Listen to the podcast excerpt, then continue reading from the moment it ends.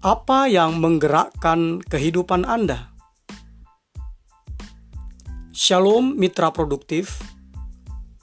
Jumpa lagi dengan saya, Pastor Tommy Ringo di Tahta Daud Channel dalam program 50 episode kehidupan yang dikendalikan oleh tujuan yang alkitabiah. Untuk apa kita ada di dunia ini? Episode ketiga.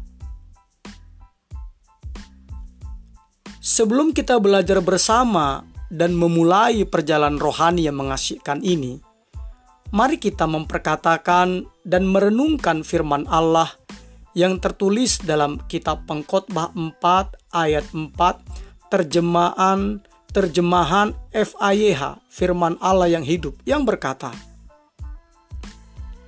aku melihat bahwa pada dasarnya segala jeripayah dan keberhasilan orang didorong oleh perasaan iri hatinya.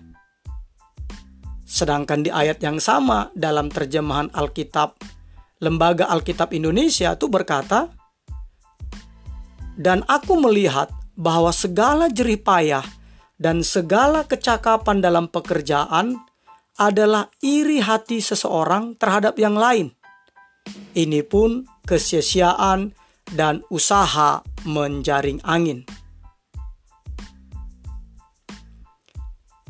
Dari ayat tersebut, mitra produktif, kita disadarkan bahwa kehidupan setiap orang digerakkan, didorong, atau dimotivasi oleh sesuatu Banyak kamus mendefinisikan kata kerja menggerakkan sebagai membimbing, mengendalikan, atau mengarahkan.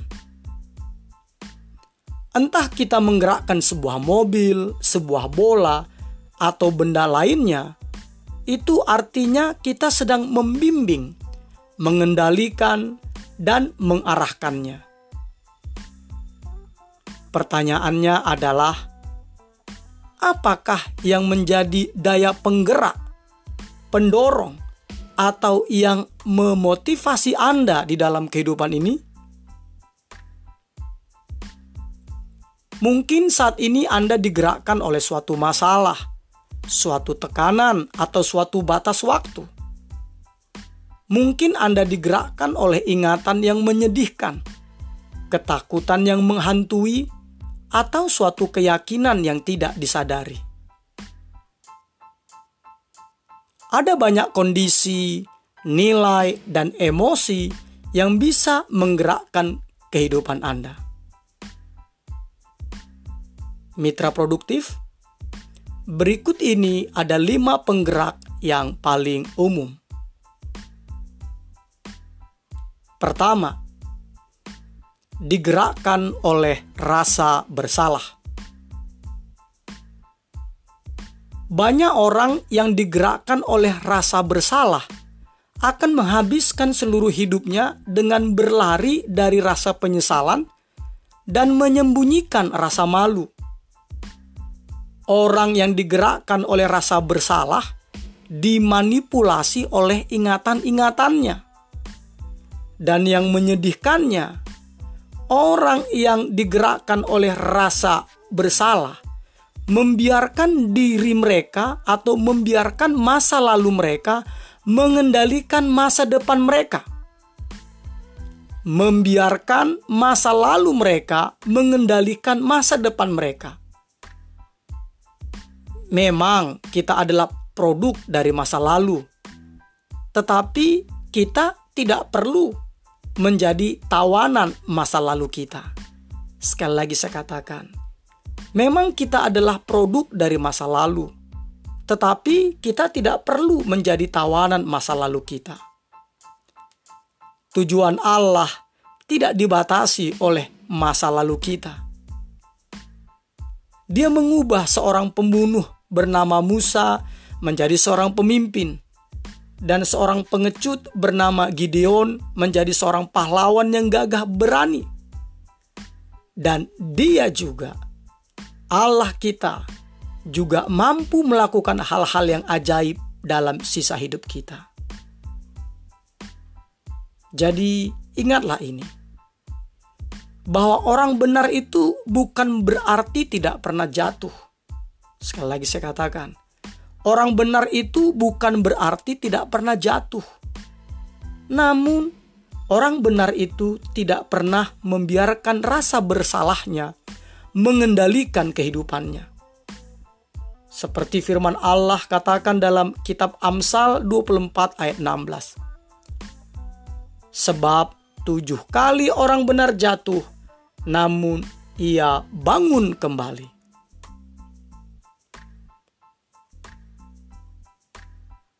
Penggerak kedua digerakkan oleh kebencian dan kemarahan. Banyak orang yang digerakkan oleh kebencian dan kemarahan akan kepahitan dan tidak pernah sembuh darinya. Mereka bukannya melepaskan penderitaan mereka melalui pengampunan, justru mereka mengulanginya berkali-kali dalam pikiran mereka. Ada dua, ada dua tanggapan atau dua reaksi dari orang-orang yang digerakkan oleh kebencian dan kemarahan. Pertama, mereka bungkam dan menyimpan sendiri kemarahan mereka. Ini yang pertama ya, mereka bungkam dan menyimpan sendiri kemarahan mereka. Ini biasanya dilakukan oleh orang yang bertemperamen flegmatis dan melankolis. Sedangkan yang kedua, tanggapan yang kedua atau reaksi dari orang-orang yang digerakkan oleh kebencian dan kemarahan yang kedua adalah mereka bersikap sangat marah dan mencetuskannya kepada orang lain. Nah, ini biasanya dilakukan oleh orang yang bertemperamen kolerik dan sanguin. Namun, kedua tanggapan tersebut, mitra produktif, tidaklah sehat dan tidaklah berguna. Ingat, kebencian selalu lebih melukai Anda ketimbang orang yang Anda benci. Dan camkan ini, orang-orang yang melukai Anda di masa lalu tidak mungkin terus melukai Anda sekarang, kecuali jika Anda mempertahankan rasa sakit itu melalui kebencian. Masa lalu Anda adalah masa lalu. Tidak ada yang bisa mengubahnya. Anda hanya melukai diri sendiri dengan kepahitan Anda. Demi diri Anda sendiri, saya mau katakan, belajarlah dari masa lalu dengan cara mengevaluasinya. Kemudian lepaskanlah pengampunan kepada orang-orang yang melukai Anda. Lalu jangan biarkan masa lalu Anda memenjarakan kehidupan Anda saat ini. Hanya itulah satu-satunya cara untuk menjalani kehidupan yang menyenangkan. Sebab firman Allah dalam kitab Ayub 5 ayat 2 berkata, Sesungguhnya orang bodoh dibunuh oleh sakit hati dan orang bebal dimatikan oleh iri hati. Ketiga, digerakkan oleh rasa takut. Banyak orang yang digerakkan oleh rasa takut biasanya disebabkan oleh pengalaman yang traumatis. Tetapi tanpa memandang penyebabnya, orang-orang yang digerakkan oleh ketakutan sering kali kehilangan kesempatan-kesempatan besar mereka karena mereka takut untuk menanggung resikonya. Sebaliknya, mereka justru mencari aman, menghindari resiko-resiko, dan berupaya memelihara status quo. Ingatlah, mitra produktif. Ketakutan adalah penjara yang dibangun oleh diri sendiri yang akan menghalangi Anda untuk menjadi apa yang Allah maksudkan bagi Anda. Sekali lagi, saya katakan, ketakutan adalah penjara yang dibangun oleh diri sendiri yang akan menghalangi Anda untuk menjadi apa yang Allah maksudkan bagi Anda. Anda harus bergerak melawannya dengan senjata iman dan kasih. Sebab Allah berfirman dalam surat 1 Yohanes 4 ayat 18. Di dalam kasih tidak ada ketakutan. Kasih yang sempurna melenyapkan ketakutan. Sebab ketakutan mengandung hukuman, dan barang siapa takut, ia tidak sempurna di dalam kasih. Keempat, digerakkan oleh materialisme. Banyak orang yang memiliki pemahaman yang salah.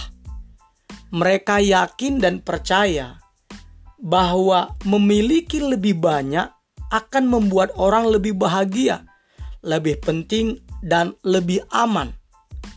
Padahal tidaklah demikian mitra produktif. Hal-hal yang dimiliki hanyalah memberikan kebahagiaan sementara. Jadi, Rasa aman yang sesungguhnya hanya bisa ditemukan di dalam apa yang tidak pernah bisa diambil dari Anda.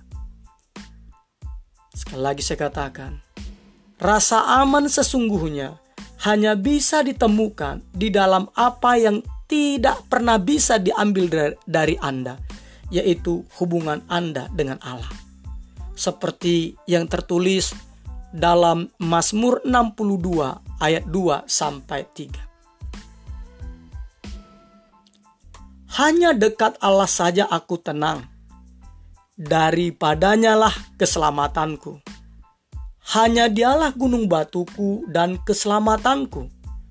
Kota bentengku, aku tidak akan goyah. Kelima, digerakkan oleh kebutuhan akan pengakuan. Banyak orang yang digerakkan oleh kebutuhan akan pengakuan.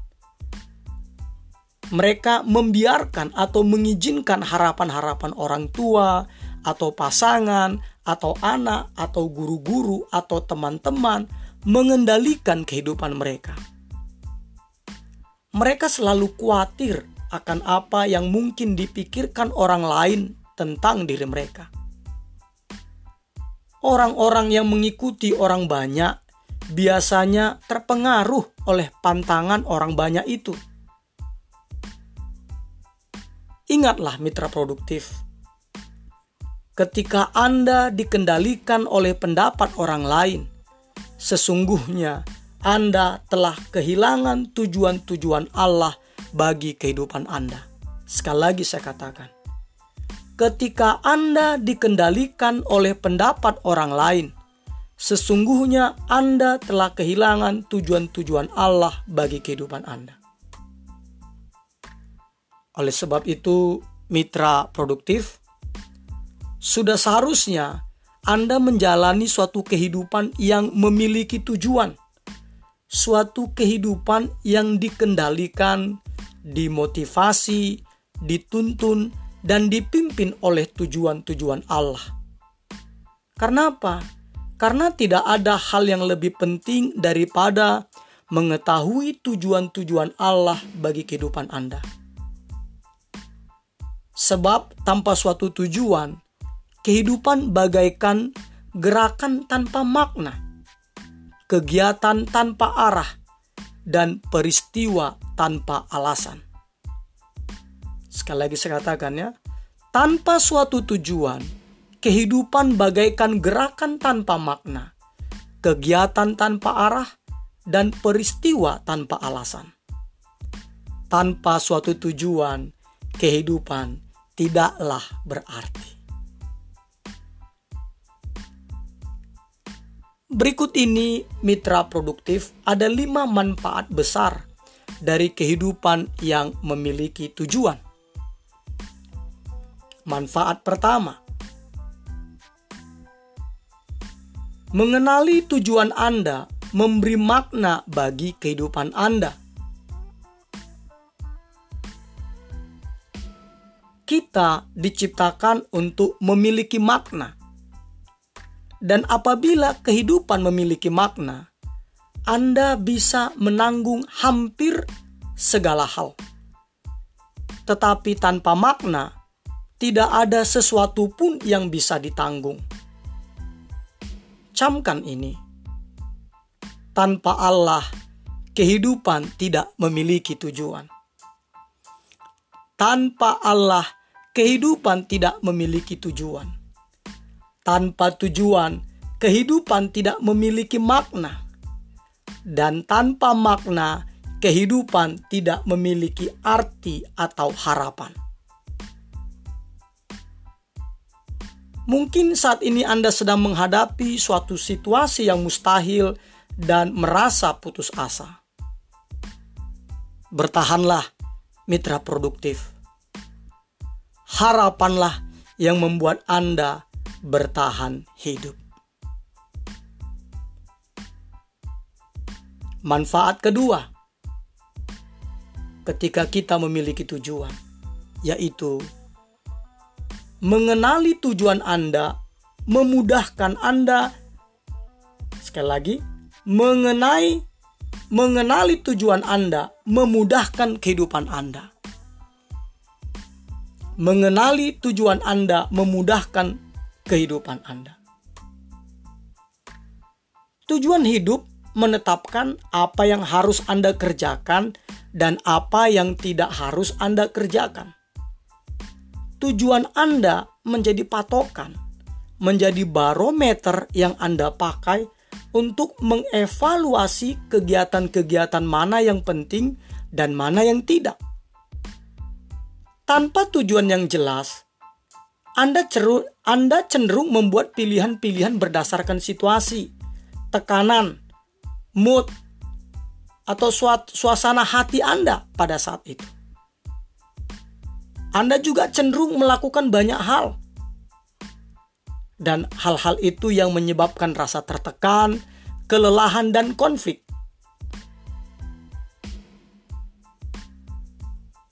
Kehidupan yang memiliki tujuan membawa Anda kepada gaya hidup yang lebih sederhana dan jadwal yang lebih terkendali, serta membawa Anda kepada ketenangan pikiran. Sekali lagi, saya katakan, ya, kehidupan yang memiliki tujuan membawa Anda kepada gaya hidup yang lebih sederhana dan jadwal yang lebih terkendali, serta membawa Anda kepada ketenangan pikiran. Manfaat ketiga, ketika kita memiliki tujuan, mengenali tujuan Anda membuat kehidupan Anda memiliki fokus Tujuan itu akan memusatkan usaha dan energi Anda pada apa yang penting. Anda menjadi efektif karena bersikap selektif. Sekali lagi saya katakan, Anda menjadi efektif karena bersifat selektif.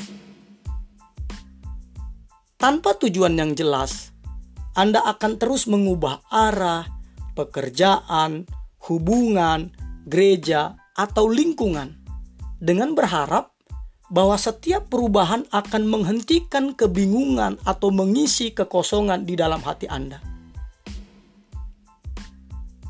Mitra produktif, ada kuasa ketika kita memiliki fokus. Itu ibarat cahaya. Cahaya yang menyebar memiliki sedikit kuasa atau pengaruh tetapi ketika Anda bisa memusatkan energinya dengan memfokuskannya, itu menjadi kuasa yang luar biasa. Itu misalnya kaca pembesar. Nah, ketika lebih difokuskan lagi, ketika lebih difokuskan lagi, saya mau katakan kepada mitra produktif, cahaya tersebut menjadi sinar laser. Jadi, jika Anda ingin memiliki hidup yang berpengaruh, fokuslah. Lakukanlah hanya hal-hal yang paling penting. Jangan pernah mengacaukan antara aktivitas dengan produktivitas. Sekali lagi saya katakan, jangan pernah mengacaukan antara aktivitas dengan produktivitas. Apa gunanya Anda sibuk tetapi tidak memiliki tujuan? Don't be busy, be produktif. Manfaat keempat ketika kita memiliki tujuan. Mengenali tujuan Anda akan memotivasi kehidupan Anda. Tujuan selalu menghasilkan keinginan yang kuat. Tidak ada yang bisa membangkitkan energi seperti tujuan yang jelas. Namun, sebaliknya juga berlaku. Keinginan yang kuat memudar bila Anda tidak memiliki tujuan. Sekali lagi saya katakan, Keinginan yang keku, keinginan yang kuat memudar bila Anda tidak memiliki tujuan. Manfaat kelima. Mengenali tujuan Anda akan mempersiapkan Anda untuk menghadapi kekekalan. Banyak orang menghabiskan hidupnya dengan berupaya menciptakan dan meninggalkan warisan di bumi ini. Mereka ingin dikenang ketika mereka meninggal. Namun, apa yang akhirnya paling penting bukanlah apa yang orang lain katakan tentang kehidupan Anda, tetapi apa yang Allah katakan. Sekali lagi, saya katakan, apa yang akhirnya paling penting bukanlah apa yang orang lain katakan tentang kehidupan Anda, tetapi apa yang Allah katakan. Hidup untuk menghasilkan warisan dunia adalah sasaran yang dangkal. Adalah lebih bijaksana kalau orang menggunakan waktunya untuk membangun suatu warisan kekal sadarlah mitra produktif. Anda ditempatkan di bumi ini bukan untuk diingat, tetapi untuk bersiap-siap menghadapi kekekalan. Sekali lagi saya katakan, Anda ditempatkan di bumi ini bukan untuk diingat, tetapi untuk bersiap-siap menghadapi kekekalan. Dari Alkitab kita bisa menyimpulkan suatu hari nanti ketika kita menghadap tahta pengadilan Allah Roma 14 ayat 10b dan 12 ia akan menanyai kita dengan dua pertanyaan penting. Pertanyaan pertama, apa yang telah kamu lakukan terhadap anakku, Yesus Kristus? Allah tidak akan bertanya tentang latar belakang agama atau pandangan doktrin Anda. Satu-satunya hal yang paling penting adalah apakah Anda menerima apa yang Yesus kerjakan bagi Anda dan apakah Anda belajar untuk mengasihi dan mempercayainya? Yohanes 14 ayat 6. Yohanes 14 ayat 6.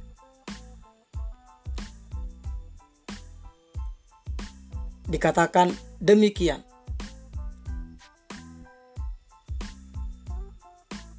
Kata Yesus kepadanya, "Akulah jalan dan kebenaran dan hidup. Tidak ada seorang pun yang datang kepada Bapa kalau tidak melalui Aku."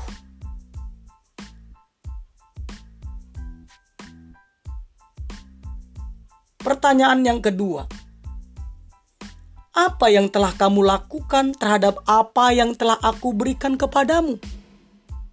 Sekali lagi ya, apa yang telah kamu lakukan terhadap apa yang telah aku berikan kepadamu? Yakni kehidupan Anda, semua karunia, talenta, kesempatan, energi, hubungan, dan kekayaan yang telah Allah berikan kepada Anda. Apakah Anda menggunakannya untuk diri sendiri, atau Anda menggunakannya untuk menggenapi tujuan-tujuan Allah menciptakan Anda? Sekali lagi saya katakan, apakah Anda menggunakannya untuk diri sendiri atau Anda menggunakannya untuk menggenapi tujuan-tujuan Allah menciptakan Anda?